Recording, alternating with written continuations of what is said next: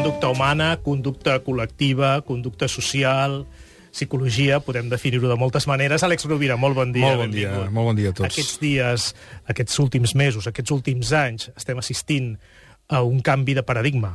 Així ho diem des d'aquest programa, així ho diuen les veus eh, més, eh, amb més autoritat moral d'aquest d'aquest programa, tot i que en el dia a dia doncs, ens fixem tots en detalls. No? Si surt aquesta informació, ara esclata aquest nou escàndol, etc. Eh, clar que quan els veus cada dia dius això no són detalls, això és molt fort, i ara efectivament ho és, no?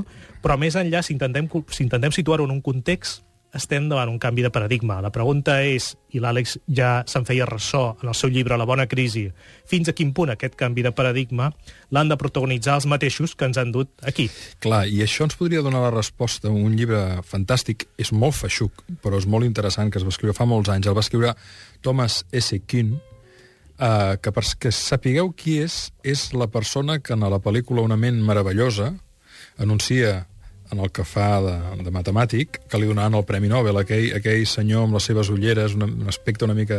Doncs eh, fa un cameo a la pel·lícula i és Thomas Kuhn. Thomas Kuhn és, una, és, un, és un investigador de la ciència molt interessant i en el seu llibre L'estructura de les revolucions científiques diu el següent. Perquè canvi un paradigma dins de la ciència, molt sovint el que ha de passar és que tota la generació de, científics, de científics que sostenia, per exemple, eh, posarem un exemple per entendre'ns, no? que la Terra és el centre de l'univers, doncs bé, fins que no passa el temps, tot i que, eh, evidentment, es, es presenti un nou paradigma on es digui la Terra no és el centre de l'univers, la, ter la Terra gira al voltant del Sol, doncs bé, han de morir tots aquests que ho neguen perquè la comunitat científica s'ho comenci a plantejar. Obvietats tan grans, per exemple, pensem una miqueta en la història de la ciència, no? Louis Pasteur, quan descobreix la vacuna, tarden molts anys en reconèixer-li la evidència de la funció terapèutica de la vacuna. Uh, Alexander Fleming, quan descobreix la, la, les bondats de, de la penicilina, que només s'ha de mirar en un microscopi per veure que hi és i que funciona, um, tarden molts anys també en reconèixer-li que la, la, la, la bondat terapèutica en aquell moment de la penicilina. No? Uh, ja no diguem aquells que, per exemple, Miguel Servet doncs, diu no, la sang circula pel, pel cos i l'acaben cremant. No? Uh, tot científic que ha introduït una nova visió de la realitat científica ha estat violentament negat i sovint perseguit i de vegades expatriat o excomulgat o condemnat a mort per la per l'entorn imperant. Si ho portem al territori de la política i de la gestió social, probablement ens està passant això. És a dir, eh, probablement ara hi ha unes elites eh, i un sistema que es manifesta com inoperant, que no sabem ben bé quin nou model hem de generar, però que anem tenint, primera, una suma d'evidències de la desconstrucció d'aquest sistema. Suma d'evidències que neixen de la corrupció, de l'ocultació, dels interessos, de les oligarquies, de les falsetats, de tot el tràfic obscur que hi ha en el fons d'aquest sistema de poder.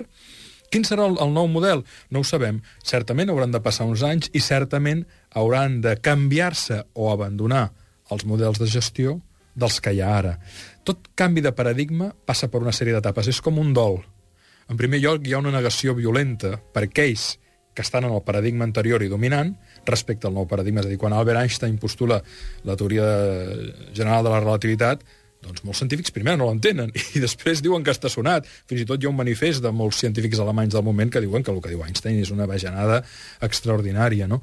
Han de passar 10, 15, 20 anys perquè es generi una nova, una nova consciència científica i social. Nosaltres, amb la nova tecnologia que tenim, amb, amb les tecnologies que es desenvoluparan en el futur, amb la connectivitat global, amb tantes coses, eh, no podem ni imaginar com serà el futur, però és evident que no serà com serà, i m'agradaria pensar que de la mateixa manera que ja, que ja no podem concebre, per exemple, a Occident, camps d'extermini, no? o genocidis com històricament s'aplicaven i, i, i, i estaven ben, ben entesos, aquí farem un canvi on èticament anirem tots a millor. Espero que així sigui. Bé, esperem que hi hagin fet una part important del dol, que ja l'hagin transitada. Eh? Tant de bo, tant de bo. Però a mi em fa l'efecte que encara ens queda camí perquè no hem après les lliçons fonamentals. Àlex Rovira, en el seu blog de notes, podeu trobar els seus textos a alexrovira.com, evidentment en els seus llibres i també al Facebook. Gràcies, Àlex. Fins gràcies, diumenge. Gaspar. Una abraçada. Moltes gràcies.